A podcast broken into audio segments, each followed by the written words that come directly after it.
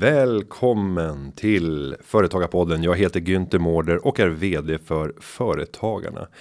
Vi befinner oss i en eh, väldigt märklig tid med hög grad av isolation i samhället och ett företagande som i hög utsträckning har kommit att avstanna med alla de problem som det följer. I det här så krävs det också ett nytt typ av ledarskap eh, där vi kanske inte tidigare har fått pröva de dimensioner som en sån här typ av kris innebär. Därför så är jag så oerhört tacksam över att ha en ledarskapsexpert på plats här i företagarpodden. Välkommen till veckans avsnitt. Och i studion framför mig så har jag ingen mindre än Svante Randlert. Välkommen till Företagarpodden. Ja, men tack så mycket och vilka fina ord så här till en start. Ja, vi, vi, vi, har inte ens börjat med att, att ösa ur, men eh, du sitter ju här och har precis släppt en bok som heter Drömledarskapet. Eh, timingen för den boken. Hur, eh, hur känns den? Ja, men man, jag har fått många frågor bara oj, i den här krisen och släpper bok nu. Eh, ja, man, det finns ju två sidor på det mesta. Du kan, du kan se problem eller så kan du försöka se på lösningarna. Och jag vill väl våga säga att ledarskapet har väl aldrig varit viktigare. Det går undan där ute just nu. Eh, och det som vi gör nu i ledarskapet kommer göra skillnad i hur vi både klarar oss ur det men framförallt vad, vi, vad händer sen då. Så jag skulle vilja säga att tajmingen kanske faktiskt aldrig varit bättre om man får vara lite sig själv, vi skulle säga på den aspekten. Men jag märker ju de som har hinner läst boken att man behöver ny inspiration eh, och framförallt så behöver man lite nya tips. Eh, och det är det jag försöker göra med boken. Och sen tänker jag också tiden för reflektion eh, har ju aldrig varit mer omfattande. Plötsligt så får vi tid som vi tidigare inte hade. De flesta rör inte på oss utan befinner sig i hemmiljö. Eh, hur kan man dra fördel av det här som ledare när det kommer till reflektionsdimensionen? Nej, men jag, jag, många brukar ju säga så här, jag har ju inte tid med reflektion. Och då brukar jag säga, men du har ju inte tid för reflektion för du har ju inte reflekterat. Mm. Eh, det går fort utanför oss just nu. Det är egentligen intressant för om man tar de sista åren så har ju miljön runt omkring oss innan corona aldrig snurrat snabbare. Under corona självklart snurrar snabbare än någonsin till och med. Eh, men det är också de åren, den tiden vi har tagit bort reflektion mest. Så allt runt omkring oss snurrar snabbare. Men vi själva reflekterar inte vad det är som snurrar snabbare. Och så springer vi på alla bollar. Så att det här med att det ska gå snabbare och snabbare för mig, det är ju inte att vi ska springa snabbare, utan det kanske är att vi ska börja ta bort saker. Mm. Och vilka saker lägger vi fokus på. Men jag börjar få en hel del bilder eh, från olika verandor där man sitter och läser boken. Eller vi som har podd, både du och jag, att man är ute i en skog och lyssnar på podden. Det är ju sånt jag inte rätt sett innan. Så att de här tiderna nu när man då sitter hemma i sin karantän eller jobbar hemifrån och vi är alla Zoom och Skype-möten. Det är kanske bra att bryta av lite. Mm. Och jag tänker att vi ska ta en resa tillbaka för att eh, sätta dig som, som person för lyssnarna. Eh, vi har ju träffats i eh, många olika sammanhang men även i poddsammanhang i podden Chefssnack. Där eh, jag hade förmånen att få delta. Så poddandet är en del i dig också. Men nu byter vi roller. Hur känns det här då? Att sitta som intervjuobjekt och inte intervjuare. Nej, men jag sa till min fru i morse till mig, gud vad skönt. Jag får sitta på andra stolen och, och få frågor. Eh, så det här känns ju jätteroligt och skönt. Men om vi går tillbaka och ser din eh, bakgrund så är det en lång bakgrund inom det vi förr i tiden hade kallat HR. Men som du hellre skulle kalla vad då? Nej, men egentligen människor. Människor, ja. Eh, people och någonstans performance och result. Någonstans håller kring att det är människor som skapar resultaten. Eh, och det är väl det vi ska prata om. För desto mer vi pratar om kontroller och riskminimering som vi pratar om ganska mycket nu, desto mer digitalisering, automatisering, robotisering så känner jag att vi glömmer bort ordet människor. Så jag förhåller mig väldigt mycket kring det ordet. Och en resa som du har varit med om är att eh, vara med på en av Sveriges mest framgångsrika företagsresor som i grunden i princip bara handlade om människor. Academic work. Din resa i, inom academic work, hur skulle du beskriva den? Ja, men jag fick vara eh, en liten, liten, liten del av det. Eh, men det var det som Academic Work har gjort häftigt att eh, ordet tillsammans kommer upp i mitt huvud. Och framförallt ordet kultur att varje dag försöker bli lite bättre än igår. Det är verkligen en av potentialen i det bolaget. Och under de tio åren jag fick vara en liten del av det bolaget så gick bolaget från en till fyra miljarder utan något förvärv. Eh, och det är ju en otroligt häftig resa att få bara se och få följa med på vad jag försöker vara med och lite på utveckling där. Så att den resan alla gjorde i det bolaget och gör är ju superhäftigt. Och det som särskilde er utöver den otroligt snabba tillväxten. Det var ju också synen på er som arbetsgivare. Ja, tillbaka till ordet kultur. Ja. Att någonting vi skapar, den gamla, gamla klyschan att kultur sitter i väggarna. Varken jag eller Akame Kork har förstått de uttrycken. För det är ju det vi skapar varje dag. Än en gång det här att, att alltid bli lite bättre än igår. Det är ju intressant att, och det handlar ju inte om att vi ska göra karriär steg uppåt utan det kanske är mer om utvecklingsvägar vågrätt. Hur kan vi få alla, någonstans att om en grupp av människor blir bättre då blir en organisation bättre. Och börjar varje individ bli bättre då blir den gruppen bättre. Verkligen en grundtro på det. Engagemang. Jag har aldrig sett en organisation när man tittar på folk i ögonen djupt och jag ser det enorma ambitionen, potentialen och drivet eh, som jag sett på Academy Det var superhäftigt att få vara en del av. Jag är stolt över, det var ju en skola för mig nästan. Att få vara i det bolaget tio år och se vad som sker. Eh, och än en gång apropå min bok, det börjar sluta med ledarskapet. Och den här skolan som du beskriver att du fick vara en del av. Den förde du också ut på ett väldigt framgångsrikt sätt. Redan under tiden eh, på Academic Work så var du ute och blev en av Sveriges eh, flitigast anlitade föreläsare. Och sen kom du till en dag, en punkt. Där du fattade beslutet om att gå över och bli egenföretagare. Ja, snart eh, två år sedan. Hur självklart var det? Mm, nej men det var nog ganska självklart och sen tror jag liksom att jag tror inte så mycket på kanske låter fel att säga så här på, på men att man ska ha planer och hur mycket som helst. Jag tror någonting det är som en evolution i sig att häng med på en resa sen får man se lite vad det tar en eh, och man kan ju faktiskt påverka saker och ting. Så när vi väl kom dit så var det ganska självklart. Eh, det var fler och fler eh, som ville ha uppdrag och tankar av mig som kanske inte låg inom akademikvarks ramar.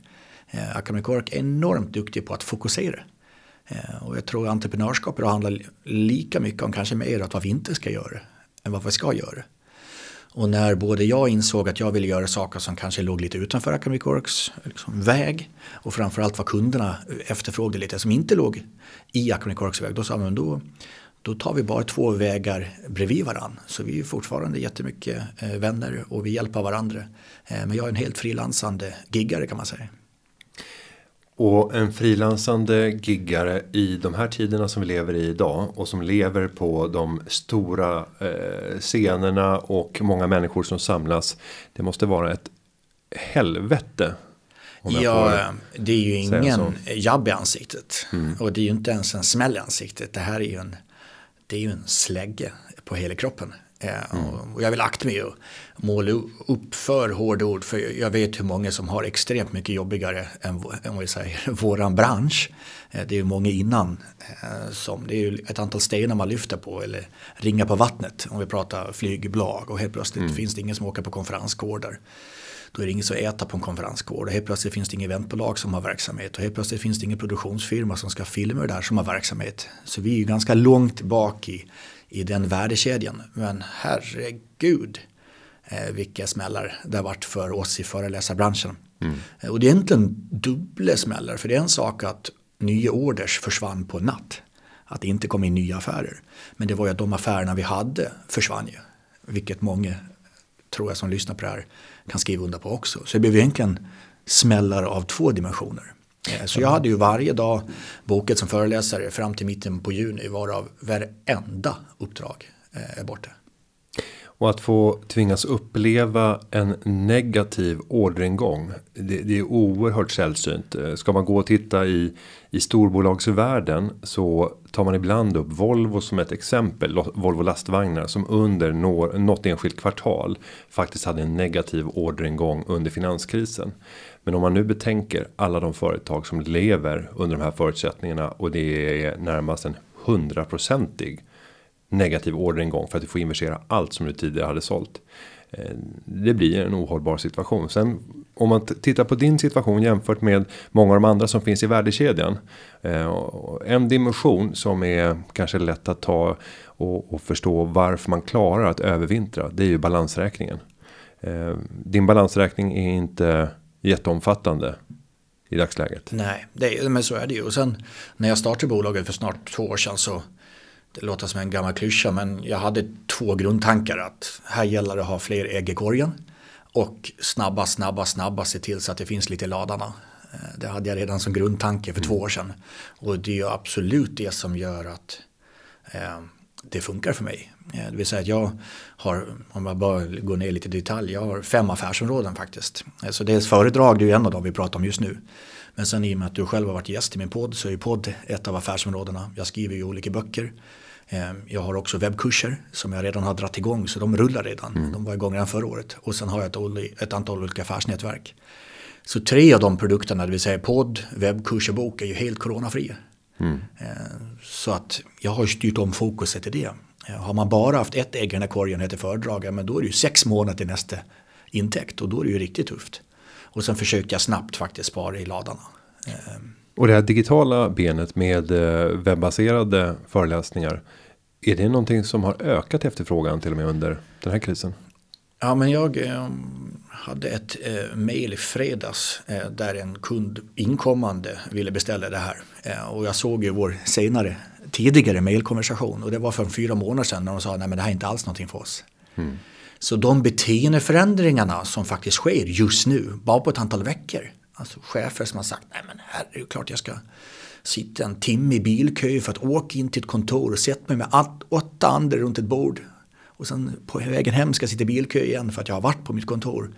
De beteendeförändringar är ganska intressant just nu. Helt plötsligt bara, det var ju effektivt det här. Det finns fördelar och nackdelar med allting. Men beteendeförändringarna som har skett på några veckor nu är ju mer radikala än det som har hänt på ett antal år. Så helt plötsligt är ju webbkursen någonting som jag får efterfrågan på. Förra året var det verkligen så här, men ni borde väl göra det här också. Varav det blev oftast ett nej. Så att jag försöker ju vara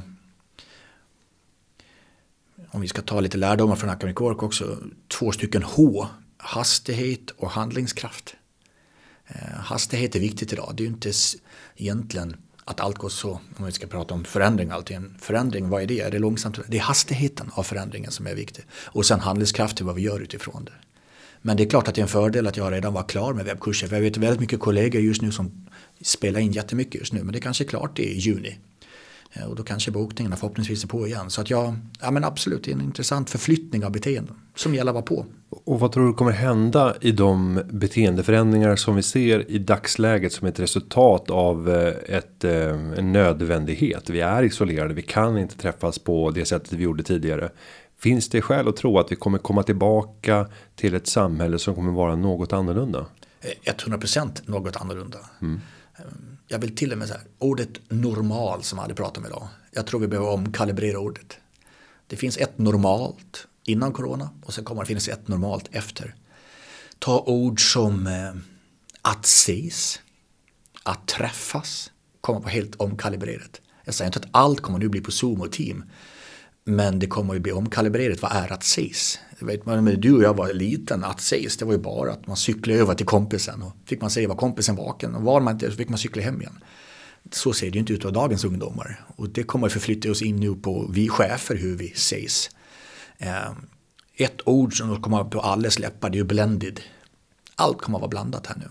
Det var ganska svart eller vitt förut. Förut så sågs man bara på en konferensgård och inte gjorde någonting annat. Jag tror utbildning, utveckling, träffar, allt kommer att vara blandat här nu. Vi behöver lite från allt faktiskt. Och jag fick höra att WHO hade ju lyckats eh, klassa dataspelsberoende som en sjukdom eh, för det var väl bara ett år sedan ungefär.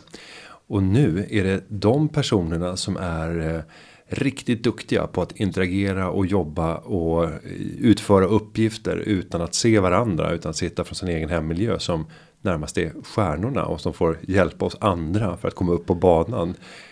Det är andra typer av kvaliteter och egenskaper som plötsligt värdesätts. Ja, men tänk dig många föräldrar som har sagt sina tonårsbarn, men du går ju aldrig ut från ditt rum, du sitter bara med den där dumburken och spelar. Men helt plötsligt säger ungdomarna, men jag har ju träffat en från Nya Zeeland, en från Australien, en från USA. Mm. Så, så än en gång, definitionen att ses är en sak innan corona, en sak efter. Och än en gång, ni som lyssnar som är företagare, antingen så krampaktigt försöker man gå tillbaka till det normal, det som var tryggt och skönt innan, eller så är man på det här. Jag släppte ett extra avsnitt förra veckan med en, en av mina förebilder, Stefan Hyttfors, en annan rådgivare, som jämförde just nu där vi är nu, där vi var 95 när internet kom. Där vissa politiker sa att det där var en fluga. Och vissa, men det var skönare, vi måste gå tillbaka, internet kommer att försvinna en dag. Men sen var det några som fattade vad internet faktiskt kan möjliggöra. Hur många affärsmodeller, gigantiska miljardindustrier globala kom tack vare internet. Likadant är det just nu. Så den som kan förstå möjligheterna, vad det här faktiskt innebär, den här beteendeförflyttningen, de kommer att bli vinnarna. Finns det några frågor som man som företagare kan ställa sig för att eh, på något sätt använda den här tiden att förbereda sig för det där nya normala? Nej, men vi pratar om värdekedjor i min bransch. Nyss, jag tror vi kan prata lite värdekedjor. Inom industrin pratar man supply chain. Jag tror vi kan lära oss lite ifrån. Vi lyfter på lite stenar här då.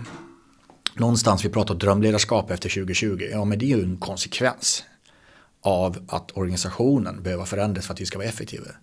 Det är en konsekvens på grund av att helt plötsligt finns det nya konkurrenter vi inte hade för några år sedan. Jag träffar vissa kunder idag som har konkurrenter som inte man visste namnet på ens för två år sedan. Det är en konsekvens från att det är nya produkter och tjänster i samhället. Det är en konsekvens från att det är olika beteenden och behov som är förändrat där ute. Så det är inte det det kommer tillbaka till. Nya behov, nya beteenden hos människor skapa tjänster och produkter som kanske inte fanns för några månader sedan som kommer att finnas behov av. Kommer att göra att vi kanske får konkurrenter i branscher som vi inte ens såg som en konkurrerande bransch. Vad är en bransch? Vad är en bransch 2020 på riktigt? När en av de snabbast växande försäkringsbolagen är en mattillverkares försäkringsbolag. När en av de snabbast växande bankerna just nu är ett försäkringsbolags bank. Vad är en bransch efter 2020 på riktigt? Mm det är något helt annat. Och för ledarskapet, hur ska man eh, som ledare över en verksamhet oavsett om det är ett litet företag, ett stort företag eller en organisation eller annan typ av, av juridisk enhet. Vad är det som kommer krävas av det ledarskapet för att kunna anamma det här nya normala? En jättebra fråga rakt på sak. Ehm, det blev så pass mycket i min bok så den blev 354 sidor. Ehm, för att jag verkligen har fått gått djupt, djupt, djupt. Vad är det i omvärldsbevakningen som har gjort att vi är där vi är idag, 2020? Och vilket ledarskap behöver vi idag ha i det här årtiondet? För vi kan ju konstatera innan Q1 2020 och allt som hände i corona så har vi lämnat ett årtionde där det aldrig varit sådana förflyttningar under tio år. Man kan prata om att vi har levt i hundratals, tusentals, tiotusentals år. Men under de här årtionden, så enligt faktaforskning, är det saker som aldrig har skett så i förflyttningar i. Vi pratar ju politik och samhällen, självklart. Eh, vi pratar teknik, tänkte jag, det är ungefär tio år sedan iPhonen kom. Hur många företag har inte kommit till på grund av iPhonen, till exempel. Vi pratar behov och allting. Det har gjort att om allting annat är förflyttat, hur många har gjort, sin, gjort om sin ledarskapsmanual sista åren då? Vi anpassar vårt kunderbjudande. Det kallas för CVP, Customer Value Proposition. Vad har vi som ingen annan har? Vad har vi för existensberättande på marknaden? Det lägger vi timmar, timmar och pengar och pengar på. Och sen för ett antal år sedan började okej. Okay. Kunderbjudande är en konsekvens från ett medarbetaragerande. Så det är en medarbetare som skapar en kundupplevelse. Ja, då behöver vi ha ett så kallat EVP, Employer Value Proposition. Vad erbjuder vi till vår kandidater och medarbetare. Så det är egentligen samma process. Men hur många har ett LVP då? Leadership Value Proposition. För enligt supply chain och business chain, om man ska prata lite orsak-verkan, så är det ledarskapet som skapar engagerad personal. Engagerad personal skapar lojala kunder. Lojala kunder skapar faktiskt vinst. Så allt börjar sluta där faktiskt. Och då är frågan, om allting runt omkring oss är förändrat, hur mycket har vi förändrat och anpassat vårt ledarskap? Och det har jag lagt ett års research på ihop med fyra kollegor. Och det blev 354 sidor med konkreta, praktiska att göra. Och min första mening i boken är så här. Om du tror att du har medarbetare som jobbar enbart för att du är chef. Stäng den här boken. Så jag kanske blir av med ett antal läsare på första meningen, men det är meningen. Om man läser min bok och känner att ja, det här vill jag inte göra, sluta vara chef då. För du kommer inte ha några följare. Du kommer inte ha någon som vill jobba med dig imorgon. Men däremot om man tror att man är en ledare som jobbar genom för andra människor, att de ska utvecklas, då är det 354 sidor manual faktiskt. Och om vi stannar vid LVP, Leadership Value Proposition. Vad eh, ska man börja för att förstå vad handlar det här om? Ja, jag har försökt ta ner egentligen till tio kapitel kan man säga, en att göra-lista. Där det är tio, om man får vara lite eh, metaforisk, tio verktyg då. Eh, jag har försökt skapa en verktygslåda för vad är drömledarskapet av 2020? Varav det är hur jag än läste och mina kollegor läste. Vi har ju tittat på forskningsstudier från Yale och Cambridge och Harvard. Liksom allt det där fina namnen. Vi har suttit och djupintervjuat olika vd-are. Bland annat dig, du är i mm. researchen på boken. Vi har intervjuat förbundskaptener faktiskt. Vi har eh, det, det, det, finns så mycket research, jag kan inte sitta och göra för mycket reklam för det. Men i grunden gått ner på det. Och det blev tio stora områden man måste göra. Och det är de tio olika verktygen. Men som en snickare, jag tar inte upp tio verktyg samtidigt. Utan nu kanske jag behöver hammaren. Nu behöver jag skruvmejseln. Eller nu behöver jag rubbanken. Är du med på vad jag menar? Mm. Så att de tio verktygen, där har jag försökt mappa upp att det här behöver jag göra. Och sen i vissa sammanhang behöver man ta upp dem. Eh, men om vi bara tar kapitel nummer ett. Och det här är just intressant för det är ju det är verb jag kommer med. Att göra. För min andra mening i boken är nämligen så här. Jag struntar faktiskt vem du är. Och jag struntar vad du redan vet. Det här är vad du ska göra imorgon. För vi har haft ett årtionde där vi har gjort så mycket personlighetsanalyser. Vem man är. Du är röd eller gul. Du är introvert eller extrovert. Du är från det landet eller från det landet. Det är inte det det handlar om, det är vad vi gör av allt. Och kring ledarskap, det vet ju du som har läst mycket och kan mycket. Det är väldigt mycket den lärde som försöker, jag vet nog vad chefskap är. Men det är inte vad vi gör. Så än en gång, göra, göra, göra. Så jag har tio stycken göra, att göra-listor. Och den första är till exempel att bry sig kommer mycket från det med caring. Att vi vill ju nu i kriser att men varför bryr sig inte medarbetarna om mitt bolag? Ja, hur mycket bryr du om dem då? För om inte vi bryr oss om medarbetarna kommer de aldrig bry sig om bolaget. Och sen går jag igenom de bitarna vad som krävs där. Och så håller jag på i tio kapitel. Och det det för tankarna till eh, en stor idrottshjälte under, under vår uppväxt. Det var Ingmar Stenmark. Eh, han var ju väldigt rakt på sak. Sen var inte han eh, ordens mästare kanske. Men det är bara och. Det gör. Det, det handlar om att göra. Att komma igång. Att faktiskt börja förändra. Det behöver inte vara svårare. Men det är så enormt svårt. Ja, och sen sa han också en annan fin grej. Att, ja, men, jag tänker inte ens testa på hans dialekt för jag pratar även en konstig dialekt. Men desto mer han tränar desto mer tur tyckte han fick. Ja. Och det är det jag menar här.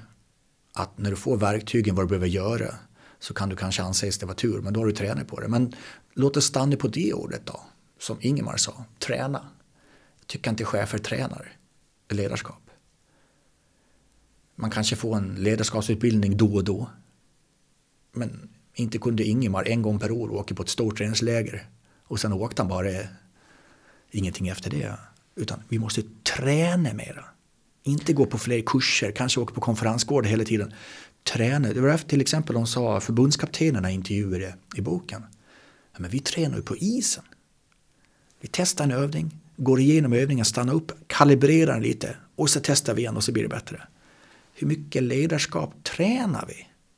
Vi tränar för lite övningar. Vi pratar om att Medarbetare tycker sina ledare är otydliga fast ledare tycker man är jättetydliga. Ja, men det är mottagaren som bestämmer här. Men hur mycket tränar vi kommunikation då? Hur mycket tränar vi att bry sig? Hur mycket tränar vi att övertyga istället för övertala? Hur mycket tränar vi att visualisera? Hur mycket tränar vi att skapa värde? Det är de här bitarna jag pratar om i boken. Och hur får vi in den här träningen i vår ledarskapsvardag? Så att varje arbetsdag blir en träning där vi också lär oss någonting. För det är en sak att faktiskt träna men att också absorbera de kunskaperna som man kan vinna genom träning. Det är ju faktiskt en annan, en annan sak. Ja men det är ju det. Och framförallt är ju tillbaka lite som vi pratade om reflektion för en stund sedan. Att det är ju oftast det som ryker snabbast i kalendern. Oftast har det till och med inlagt. Det kallas för olika saker. Fake kundbesök och allt vad man har döpt in det på. Men det är ju det som ryker direkt under tid. Och varför har vi inte tid? För att vi inte har reflekterat än en gång. Likadant med det här träning. Vi släcker så mycket bränder för att vi inte har tränat på hur vi ska lösa det här. Och så all tid det tar för att släcka bränderna är ju ohyggligt mycket mer än att träna på orsaken. Orsak, verkan, orsak, verkan. Och då är vi tillbaka än en gång. Enligt IBM då har gått ut och sagt nu att 90% av all data som finns i världen är skapad de tre senaste åren. Så all data som finns till förfogande som du är duktig på, bara så sent som igår på Agenda. Vad duktig du var förresten. Tack. Mm. Tre ringar, lite siffror och procent och helt plötsligt folk fattar. Hans, alla Hans Rosling, jag fick de vibbarna av dig där igår. Smickrande. Ja. Eh, eh, väldigt eh, fin, apropå att vara lik Hans Rosling. Men än en gång, det är ju inte datan som är guldet, det är ju hur vi ska få folk att agera på det. Och det är ju likadant här, om det, majoriteten, nästan all data kommer de tre senaste åren, det vill säga att vi har fått ny input. Varför får vi input? För att vi ska komma till output. Ja, hur mycket mellan input och output agerar vi och reflekterar vi, funderar vi och tränar vi? Så vi har input overload för att vi ska agera på output. Men har vi ingen träning eller reflektion mellan input och output då försöker vi faktiskt lösa det på gammalt sätt fast vi har nya problem. Vi försöker lösa gammal output på ny input. Så vi är tillbaka än en gång, träning och reflektion. Och ett ord jag inte pratar om ännu, det som jag hoppas våra chefer just nu, apropå vi är mycket hemifrån, det är ju det här med återhämtning. Kapitel nummer nio i min bok. Att batterinivå reglera. Det är så lätt att titta på en teknisk pryl. Är det 14% kvar, 7% kvar, då måste jag stoppa i sladden ju. Gör vi verkligen det på som chefer? Vi jobbar till och med hårdare när vi blir trötta. Det är ju inte arbetstempot som knäcker folk idag, det är återhämtningen, att den inte finns. Så ytterligare, hur jobbar vi med rätt saker? Tänk de här sportprofilerna man brukar titta på. När de väl, när det är match, då har man full energi och man har fått en klar strategi och alla ska springa åt samma håll. Tänk om alla springer på alla bollar. Du är helt slut när friläget kommer med en minut kvar ju. Precis. Handlar om att ta bort nu. Och göra rätt saker. Hur kan man analysera den här energinivån? Att förstå hur fungerar mina batterier? För de är också individuella. Eh, de kommer fungera helt olika för olika personer. Även om vi har grundläggande elementära behov. Vad är det för eh, indikatorer som man kan lära sig att jobba med för att förstå när är det tillfälle och det där finns ju, om vi ska prata böcker, finns ju extremt mycket duktiga och bra författare som skriver just kring de bitarna. Men om jag ska försöka förhålla mig till ledarskapet och båda det börjar med sig själv, men det är ju också bara känna så här, försöker jag rädda alla andra för jag rädda mig själv här. Det finns en terminologi när man flyger flygplan och syrgastuben kommer ner. Du ska ju nu rädda dig själv för du kan rädda ditt barn till och med. Är det det vi gör som? För någonstans har vi blivit ledare för att vi vill utveckla andra. Sen lägger vi så enormt mycket energi för att rädda alla. Men du själv då? Tänk om du går sönder? Och sen mot våra medarbetare så handlar det också att här skillnad just, just i de här stunderna där vi inte träffar våra människor så mycket. Vi sitter som du och jag gör på behörigt avstånd mm. enligt coronatider dock. Men jag sitter och tittar i dina ögon just nu. Och allt kommunicerar. Och bara fundera på skillnad på höra och lyssna. Höra, det är lyssna vad som sägs. Vad kommer ur din mun? Det är att höra vad lyssna. Det är med att genom att höra då lyssnar jag vad som sägs just nu. Men lyssna, det är att höra vad som inte sägs. Och en av de svåraste just nu digitala möten. att vi får ju inte det där fem minuterna från mötesrummet till kaffemaskinen eller till skrivbordet när vi kan snappa upp de där sakerna. Så det måste vi fundera som ledare nu att hur kan jag bli bättre lyssnare, det vill säga att höra vad som inte sägs just nu. När medarbetaren checkar in på Zoom och säger jo, det är jättebra det här. Och vad finns det för eh, verktyg där att tillgripa för att förstå den här organisationen som man försöker att eh, managera som befinner sig på olika platser och alla möts någon eller några gånger per dag i digitala verktyg eller via e-post och sen i teams diskussioner och annat. Det är ju en helt annan typ av ledarskap. Jag, jag känner att jag förlorar mycket av mina främsta verktyg när det handlar om det närvarande, det personliga, att kunna gestalta en kultur som jag vill ska genomsyra organisationen. Att göra det i det digitala formatet, det är svårare. Oh ja, och det är ju, tror jag alla kan skriva under på. Men jag brukar ju prata om vi behöver gå från och till då. En gång jag tog det här höra att lyssna. Men en annan som jag är tydlig med det är skillnad på att vara synlig och närvarande. För vi någonting vi inte längre är på grund av att vi sitter hemifrån. Vi är ju inte så synliga förutom i den där burken en gång per dag eller en gång per vecka. Men man kan ju vara helt osynlig men kännas närvarande. Och det är den känslan vi behöver få in i våra medarbetare. Och sen finns det olika trick att komma dit. Men det är skillnad på att vara synlig och närvarande. För många läser böcker med walk around management. Att vi hela tiden ska synas i korridorerna. Jag har ju på riktigt hört medarbetare som tycker man sitter fram, precis som du och jag sitter nu. Ett bord emellan och så har vi sådana här utvecklingssamtal. Eller one-to-ones är bättre att säga för att det faktiskt sker ju oftare. Och medarbetaren känner att chefen, ja jag säger det på mötet men inte fan är du närvarande. Och det är en av våra största ledarskapsutmaningar nu när världen blir mer och mer global och vi får fler och fler medarbetare som jobbar i olika länder. Det här är någonting vi måste sätta fingret på. När vi blir mindre och mindre synliga, hur känns vi mer och mer närvarande? Och där kan man väl också dra parallellerna och liknelserna till personer som omöjligt kan vara närvarande. Och det är personer som har gått bort. Ta Ingvar Kamprad eller ta Claes Olsson eller ta Erling Persson. Alla tre grundare av fantastiskt framgångsrika svenska företag som idag inte finns i livet. Men de finns där. De finns där, de genomsyrar kulturen. De är där och vägleder i beslutssituationer. Vad är det som gör att ett ledarskap kan bli odödligt och överleva ledaren själv? Ja, men än en gång, det är ju att du har fått ner det en verksamhet av dess kultur med av människor för människor, genom människor. Att om det bara är en chef som ska instruera och kontrollera och säga vad alla ska göra och peka med den handen. Då står ju bara folk och väntar på det beslutet. Men om vi vänder på det och går från instruerare till involverare och får ner kraften att man gör någonting tillsammans. Och jag är så otroligt, eh, om jag får gå till mig själv, stolt över poängen jag skrev i min bok som jag la ett helt år på. Att allt kommer ner till, om vi ska ta ordet ledarskap, dela i två. Leda för att skapa starkaste laget. Så du som ledare, de här personerna du nämner nu, de har varit otroligt duktiga på att få andra människor att skapa. De ska inte skapa. De ska ju förutsättningar och leda så att andra ska skapa. Och vad lyckades de med? Laget. Det har aldrig varit så tydligt att just nu april 2020 bäst lag vinner. Och därför blir jag ju varm i hjärtat när jag ser de här tillsammansprojekten som görs. Mellan människor, mellan organisationer. Omtänksamheten, de här samtalen vi numera tar och bara frågar, vi bara hör hur du mår. Hur kan vi hjälpa varandra? Win-win är det enda det handlar om idag. Två parter behöver känna att båda vinner. Är det win-lose, då är det faktiskt lose-lose för båda. Så hur lyckas vi med det här? Hur båda känner sig som vinnare. Det är ingen som ska vinna en förhandling. På något sätt ska vi väl känna att båda vinner på det här.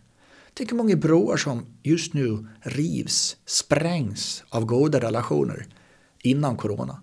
Som just nu är, det finns inga broar kvar bäst relation vinner. Och när vi kommer ur coronakrisen, för vi vet att vi kommer komma ur i alla fall epidemin, pandemin.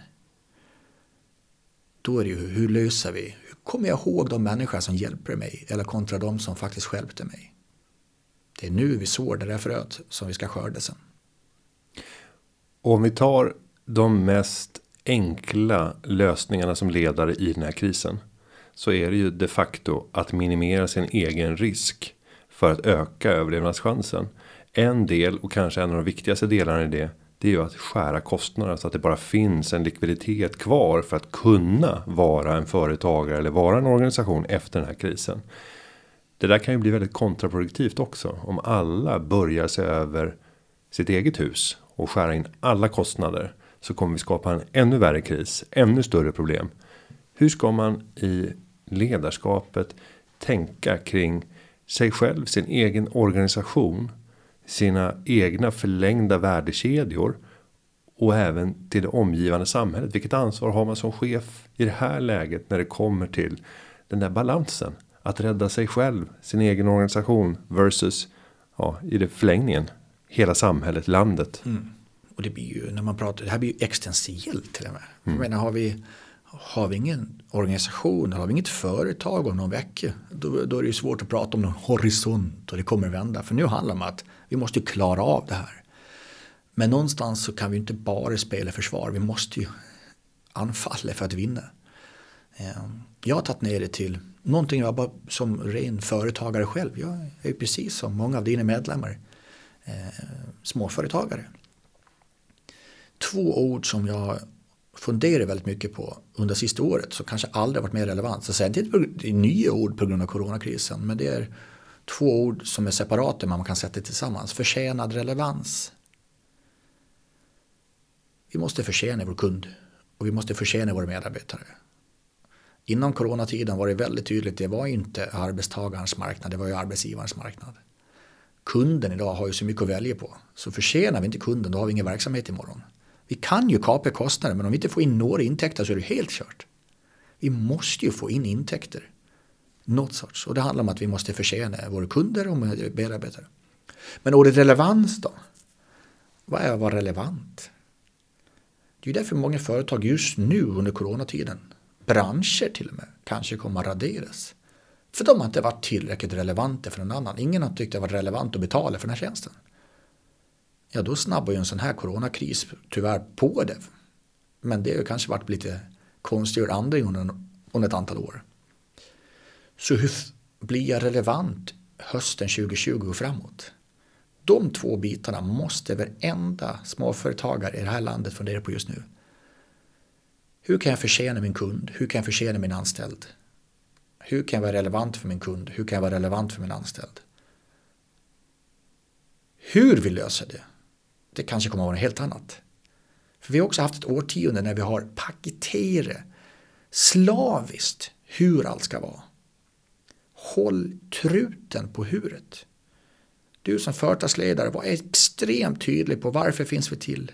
Varför behövs vi för någon annan? Vad är det vi ska åstadkomma? Hur vi löser det här? Släpp den kraften till medarbetarna och er tillsammans. Du pratar om Persson och Kamprad det var för att de fick loss kraften i medarbetarna att lösa rätt saker på grund av rätt kultur. Förtjänad relevans har aldrig varit viktigare. Och att tänka i eh, de här förlängda värdekedjorna som vi befinner oss i. Eh, jag sitter ju också och funderar väldigt mycket över de relationer som jag har i kedjan och man ser väldigt stora skillnader hur olika ledarskap slår igenom när man möter ett gemensamt problem. Vi hade ju en, ett gemensamt projekt som väntade. Vi skulle stå i maj på en stor scen på Clarion Sign och föreläsa och vi skulle upplysa föda energi hos företagare så att de skulle kunna ta sig an den här spirande högkonjunkturen som vi har varit inne i under så lång tid. Se nya affärsmöjligheter. Nu blir det inte riktigt så. Eh, för att arrangera en sån sak så krävs det mängder av aktörer i den kedjan för att kunna komma till till avslut. Eh, men när man ser också väldigt stora utmaningar i hur olika aktörer agerar i det här läget. Eh, när man säger att ja, men vi får nog gemensamt titta på kan vi flytta det här? Nu vet vi att förutsättningarna inte finns. Kan vi köra det här igen i höst eller ska vi ta det nästa år? Hur ska vi göra? Och när man stöter på helt olika typer av reaktioner och framförallt när det kommer till de där överlevnadsinstinkterna. Vem är det som vill plocka av det som finns här när saker och ting håller på att gå förlorat? Eller höjer priset med handsprit med 1000 procent. Mm. För att det fanns en möjlighet att tjäna lite kronor. Jag tror inte vi kommer ringa dem där när vi är över den här krisen. Jag vill kanske fundera på, du pratar om relationer. Mm. Jag sa ju nyss, bäst relation vinner. En sak som är väldigt tydligt om vi tittar på Martin Luther King eller kanske till och med vår egen Greta. De har varit jäkligt starka på en sak, lyckats få följare. Och det var likadant med Persson. Det var likadant med Ingvar Kamprad. Så någonstans handlar det om att du måste förtjäna, när vi är igenom coronakrisen, du måste förtjäna att leda. Jag pratar inte om chefskap, jag pratar om leda för att andra ska skapa ledarskap. Du måste tillåtas leda. Chef är en roll, men du måste tillåtas vara ledare. Och du måste förtjäna ditt följarskap. De som har tillräckligt stor grupp av följare som går korrelerat åt samma håll, det är de som kommer att vinna det här. Har du ingen följare imorgon, varken kund eller medarbetare, sätt ner skylten. Du kommer inte få det här. Och då är alltså jag har gått så djupt och läst och tänkt och frågat. Vad är ingredienserna i att förtjäna ett följarskap? Och det är tre saker. Jag tänkte vi skulle prata lite om dem. För lite det du är inne på i mm. de här kriserna. Vem är det som hjälper varandra? Tre saker kommer det ner till. Ett, förtroende. Morgondagens valuta. Det har lång tid att bygga upp. Ta sekunder att försvinna. Jag tror du har ett antal samarbetspartner där du har väldigt lågt förtroende för just nu. Mm. Utifrån de var de agerade. Hade fint förtroende, försvann direkt utifrån hur de agerade. Förtroende är morgondagens valuta. Har vi inte det kommer det inte finnas relationer, punkt slut.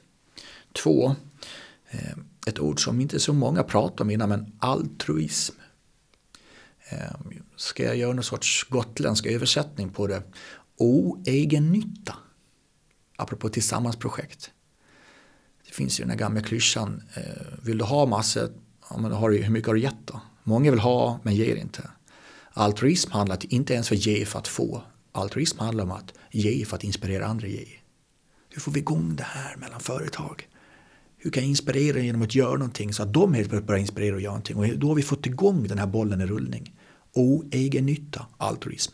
Det tredje, välvilja faktiskt. Får vi till de tre, då lyckas man skapa en fans, en fanclub. Som tillsammans, och det är det stark, världens starkaste varumärken har lyckats med. Steve Jobs, eller vem det än är, ta Steve Jobs, inte fast. Han har till och med gått ut och sagt att vår, vår dator är inte bättre än någon annans. Man har lyckats få ett följare. Angivna ambassadörer. Förtroende, altruism, välvilja. Och du som lyssnar på det här nu då. Hur mycket jobbar du med de här tre? Till din personal till din fru eller man eller till dina leverantörer idag. Det är som en tratt. Stoppar vi inte in det här så kommer det inte komma ur några relationer. Ger vi för att få just nu eller ger vi för att inspirera andra ge eller ska vi bara ha, ha, ha, ha, ha. Men herregud, du ska betala din egna räknare om en dag kanske. Så jag köper att nu är det speciella situationer.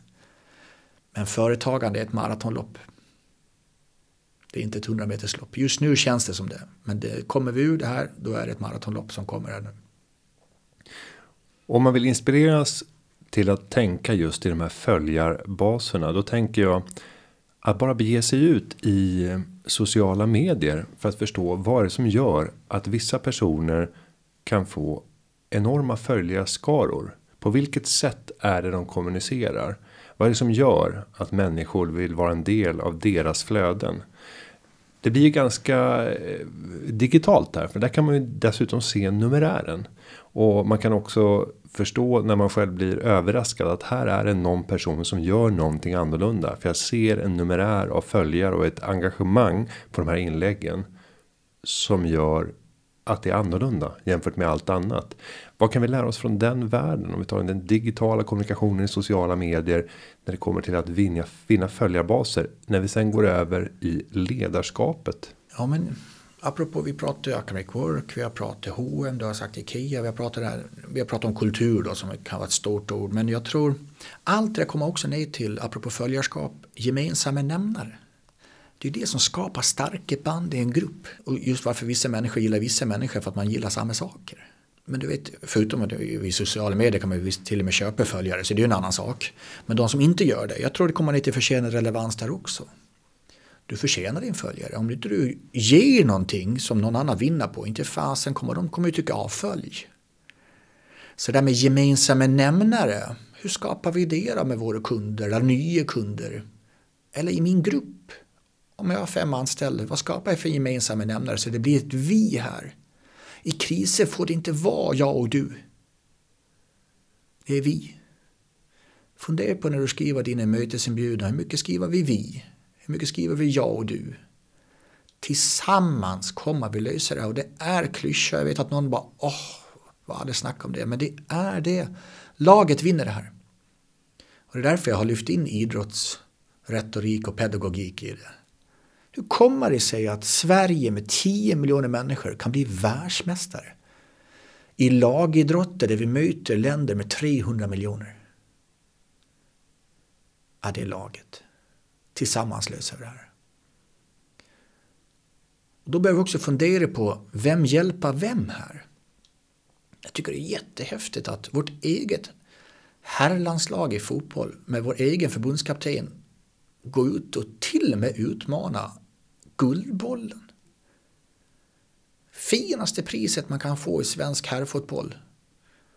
Varför ska vi dela ut individuellt pris i en lagidrott? Och det jag sett inom idrotten just nu är att helt plötsligt börjar vi uppmärksamma, ge klappen på axeln till den defensiva mittfältaren. En av världens bästa fotbollsspelare, numera en back i Liverpool. Förut var det bara Messi och Ronaldo som gjorde alla målen. Men du som är företagare just nu, det kanske är lätt att se den här bästa säljaren som forward. Men vem är det som passar bollen till forwarden? Fundera på när ni skapar det här tillsammans-projektet, laget. Vem är det som möjliggör att vi som tillsammans vinner? Hitta en ganska häftig, som få pratar om, de pratar lite om hockey och fotboll, men speedway. Känner du till speedway? Mm. Ja, lite. Det är ju en motorsport. Eh, fyra stycken killar eller tjejer kör en motorcykel på en oval bana och sladdar i kurvorna. Alla startar samtidigt och sen efter fyra varv har man gått i mål. Och då har de infört något som jag tyckte var så intressant. Något som heter lagpoäng. För det är två mot två nämligen. Ena laget har två förare på, på banan och den andra har också två förare på banan. Men det handlar om lag det här ju. Och de, först hade de ett problem med att alla bara ut med armbågarna för jag ska vinna för man får ju provision på antal poäng man kör in. Då löste de det att men det är ju en lagidrott här. Så den som lägger sig tvåa bakom sin lagkompis och till och med liksom, du vet, sladdar lite extra och kanske drar ner på farten för att den andra ska kunna vinna, den får en extra poäng. Har ni sånt i företag idag? Hur ser belöningsmodellen ut eller hur lönestrukturen ut? Går vi bara ut och den berömma hela tiden den som märks har gjort någonting men glöm inte att en kanske har hjälpt den andra att lyckas. Det kanske är den andra som är helt avgörande för konsekvenser den ska lyckas. Det här behöver vi fundera på just nu. Vem får klappen på axeln för vad? Vi får vad vi förtjänar. Och där blir det mer komplext. Man måste tillåta att bli mer komplext för att kunna mäta saker som kanske inte är lika digitala. Det är inte noll eller ett. Utan det kräver sannolikt ett mycket mer närvarande ledarskap. Och också uppföljningar som är av en annan art. Eh, där det kanske inte går att i siffror beskriva vad som har skett. Utan snarare i samtalen förstå hur interaktionen sker bakom de här avsluten som vi ser. Och som är uppenbara. Och så kan man titta, liksom, du som är väldigt duktig på att titta på makrotrender och vad säger olika stora konvent. Om vi tar Davos nu där World Economic Forum var innan coronakrisen. Så sa de en sak nu. Nu är det ett årtionde där ett ord kommer att bli avgörande. Empati. Vi behöver ha empatiska organisationer. Siffrorna är en konsekvens från hur tar vi hand om vår personal. Hållbarhet har tidigare bara varit klimat och ökade medeltemperatur. Nu är hållbarhet, hur mår du Günther? Om inte vi människor kan prestera då kommer det inte bli något resultat heller. Så empati börjar vi prata om nu, att vi ska ha empatiska organisationer. Ja, kanske en klyschtuta, men vi ska konstatera att vi får aldrig en empatisk organisation om vi inte har empatiska människor i organisationen. Har vi inte empatiska ledare kommer vi aldrig få empati i gruppen. Det börjar sluta med ledaren. Därför blir ju det ett ledord i det här. Empati, empati, empati. Det är ju egentligen kommer från engelska ordet caring ganska mycket. Jag har lekt lite med ord så jag döpte till bryende. Vi behöver vara mer bryende faktiskt. Men jag har också lyft ett finger att nu när vi har lärt oss att börja fråga hur vi mår istället för hur det går hela tiden. För nu går det ju dåligt. Mm. Jag köper det. Och vi har kanske faktura som ska betalas för två veckor sedan. Men de som ska hjälpa oss igenom det här, hur mår de då? Frågar vi mer hur det går eller frågar vi mer hur vi mår? Tänk om det går dåligt för vi inte mår bra. Och när vi nu börjar fråga mår bra är vi för sympatiska och för lite empatiska? Eller vi, kan vi lyckas med mer empatiskt ledarskap? För Davos sa man inte sympatiskt ledarskap, man sa empatiskt ledarskap och empatiska organisationer. Och bara göra en enkel liksom, förtydligande på det. Jag har pratat med olika psykoanalytiker som sagt att ja, empati det är att förstå dig Günther, hur det är att gå i dina skor. Men jag förstår också att det inte är mina skor. För tänk om vi tar över alla andras problem just nu. Vi går ju sönder, själva. Så det är empati. Och det, en grund där det är ju sympati. Men om vi bara är sympatiska, ja men då förstår jag, men då helt plötsligt är det jag som har ont också i de där skorna. Och har vi då 50 anställda och 50 kunder och vi börjar ta över alla, den här bägaren blir full och den här ballongen är helt full så den kommer att spricka till slut. Ta hand om er nu. Det är jätteviktigt. Och ett annat ord apropå relationer jag vill slänga med också, jag tror det kommer ner till jag har läst otroligt mycket på vad det är som gör att man väljer produkten X för Y. Vi har varit inom försenad relevans och följarskap, fanskara.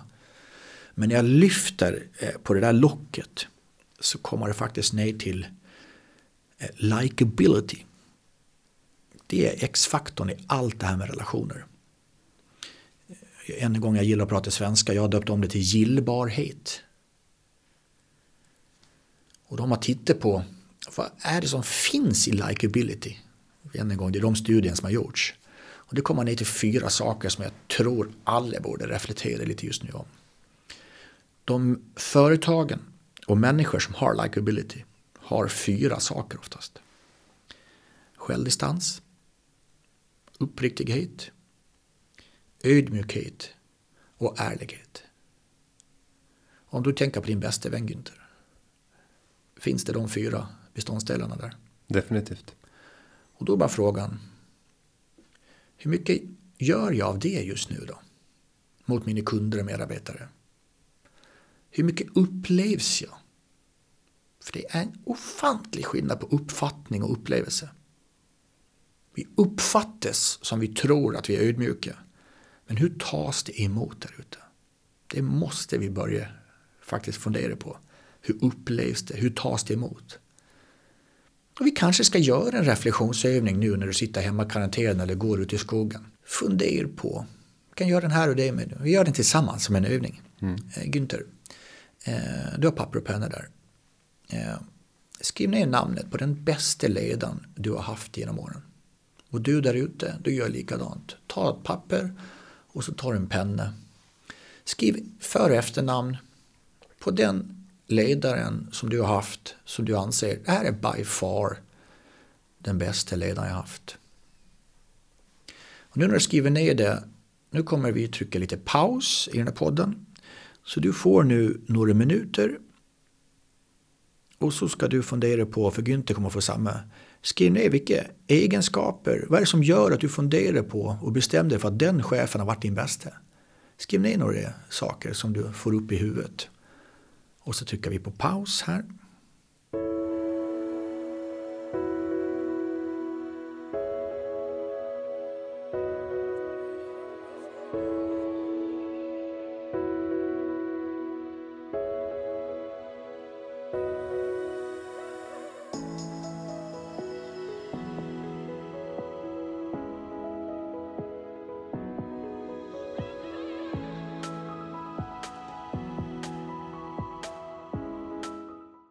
Tillbaka här nu. Nu har Günther skrivit lite på lappen. Jag ser inte vad det står. Men vi hoppar vid namnet på den här ledaren. Eh, för att det inte blir för personligt här. Men läs upp någonting du skrev i egenskaper. Eh, jag beskriver personen som att visa ett väldigt stort intresse för det vi just nu ägnar oss åt. Eh, en individuell hantering av alla människor som fanns som skulle utföra saker tillsammans och en förmåga att kunna hantera de här människorna på helt olika sätt för att kunna få dem att leverera i en grupp. Eh, jag skrev, skrev också inspirerande, alltså en, en sprudlande energi som fick mig att eh, få en starkare energi och en vilja att göra det här tillsammans. Jag skrev också självklar, eh, så här, otvungen och också rättvis. En person som såg och gav med rättvisa. Mm. Jättefina ord. Vi kan ju konstatera att alla är mjuka variabler. Mm.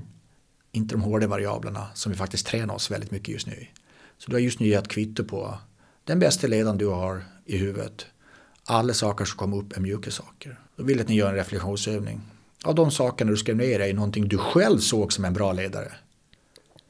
Hur mycket av det där tror du upplevs du av dina just nu medarbetare? Gör den reflektionen. Tror du nu, eller du kanske vågar ställa frågan till någon annan. Hur upplevs jag då? Kanske till och med våga ta någon nära medarbetare som jobbar under dig Günther. Be dem skriva ner fyra, fem ord. Hur upplevs du som ledarskap? Så ni har en bra tillit till varandra. Och där finns självdistans av ärlighet. Jämför orden. För det här är ju attribut vad du anser en bra ledare bör ha. Hur mycket har vi av det då? Och just övningen var så nyttig Günther, för du skrev bara mjuka saker. Alla som lyssnar på oss nu har skrivit ner mjuka saker. Hur mycket tränar vi på det här? Där har du drömledarskapet 2020. Jag tror att den här reflektionsövningen kommer att kunna ge oss eh, nya dimensioner och framförallt ett nytt verktyg till att fundera över vårt eget ledarskap. Men Svante, om du skulle göra ett sista medskick till lyssnarna som precis har gjort den här övningen sitter och har lyssnat till det här samtalet och tagit del av det du har eh, studerat och faktiskt formulerat i din bok genom lång och eh, omfattande research. Vad är det du skulle vilja skicka med som sista budskap? Och I och med att vi är under coronakrisen som vi är nu så måste det vara någonting kopplat till faktiskt kommunikation. Eh, för det är avgörande just nu. Och jag säger kommunikation för det är tvåvägs. Glöm aldrig det. Kommunikation är dialog. Eh, och jag har tagit ner det till de tre F när vi kommunicerar tvåvägs minst. Frekvent, fokuserat, framåtriktat. Skriv gärna ner de tre. Att när vi kommunicerar med våra medarbetare. Frekvens, fokuserat, framåtriktat. För vad jag ser just nu är det är att när vi inte riktigt vet och har all data och fakta, för det vet vi inte, för det går så jäkla fort. Då blir vi ibland tysta. För vi har inte svar. Bra ledarskap handlar inte om att ge svar. Bra ledarskap är att kunna ställa bra frågor. Och tillsammans känna att vi ska lösa det. Så vi behöver gå från informera sällan mycket bakåt. För det blir mer och mer det nu. Så vi kommunicerar så mycket och för att vi kommunicerar mycket så gör vi det mer sällan. Och oftast är det faktiskt bakåt. Tvärtom då. Ofta lite framåt. Oftare kommunikationscheckins via Zoom, Teams, Skype. Lite åt gången. Och väldigt mycket mer framåt. Det vill jag ge som sista tips. Tillsammans löser vi det här. Det finns otroligt mycket hopp. Pandemin kommer gå över om vi ska lyssna på forskarna, det är inte killgissande från dig och mig här, den kommer gå över. Men den febern företagande är på just nu, vi är en bra bit över 40 grader just nu. Den gäller det snabbt att få ner här nu. Och det är ingen annan som kan lösa det, utan det är vi, företagarna i Sverige som kan lösa det. Tillsammans, inte i ditt bolag, tillsammans med andra organisationer, tillsammans med andra människor vänder vi det här. Därför tycker jag du Günther och hela din organisation Företagarna är viktigare än någonsin. Tack Svante Randert för eh, att du har kommit till Företagarpodden studio under en eh, jobbig tid och bjudit på perspektiv som jag hoppas kommer att hjälpa fler företagare att faktiskt kunna ta sig igenom det här till det där nya normala dit vi vill fortare än någonsin. Stort tack eh, Svante. Tack för att jag fick komma. Eh, ni behövs. Fortsätt göra skillnad. Och till dig som lyssnar. Behöver du information om hur du ska hantera den situation som du just nu befinner dig i. Behöver du checklistor eller instruktioner om hur du kan nyttja regeringens krisverktyg eller andra saker som behövs för att kunna få hjälp i den här stunden. Glöm inte den juridiska rådgivningen som finns till här för dig som medlem. Du når dem på 0771 45 45 45. Senast i morse så välkomnade jag ytterligare en medarbetare. Vi stärker upp den och utökar antalet för vi ser att det är en närmast omättlig Eh, efterfrågan när det kommer till juridiska råd i den här stunden. Gå in på hemsidan företagarna.se för att få den senaste informationen och framförallt ta hand om er där ute. Vi kommer att rida ut det här. Med det ska jag säga att underlaget för den här podden har förberetts av David Hagen och klippningen den är gjord av Petra Chu. Vi hörs igen nästa vecka. Ha det så gott och tack igen Svante. Ta hand om er. Företagarna, ja, ja, ja, ja, ja, ja. dagarna. Ja, ja, ja, ja, ja, ja.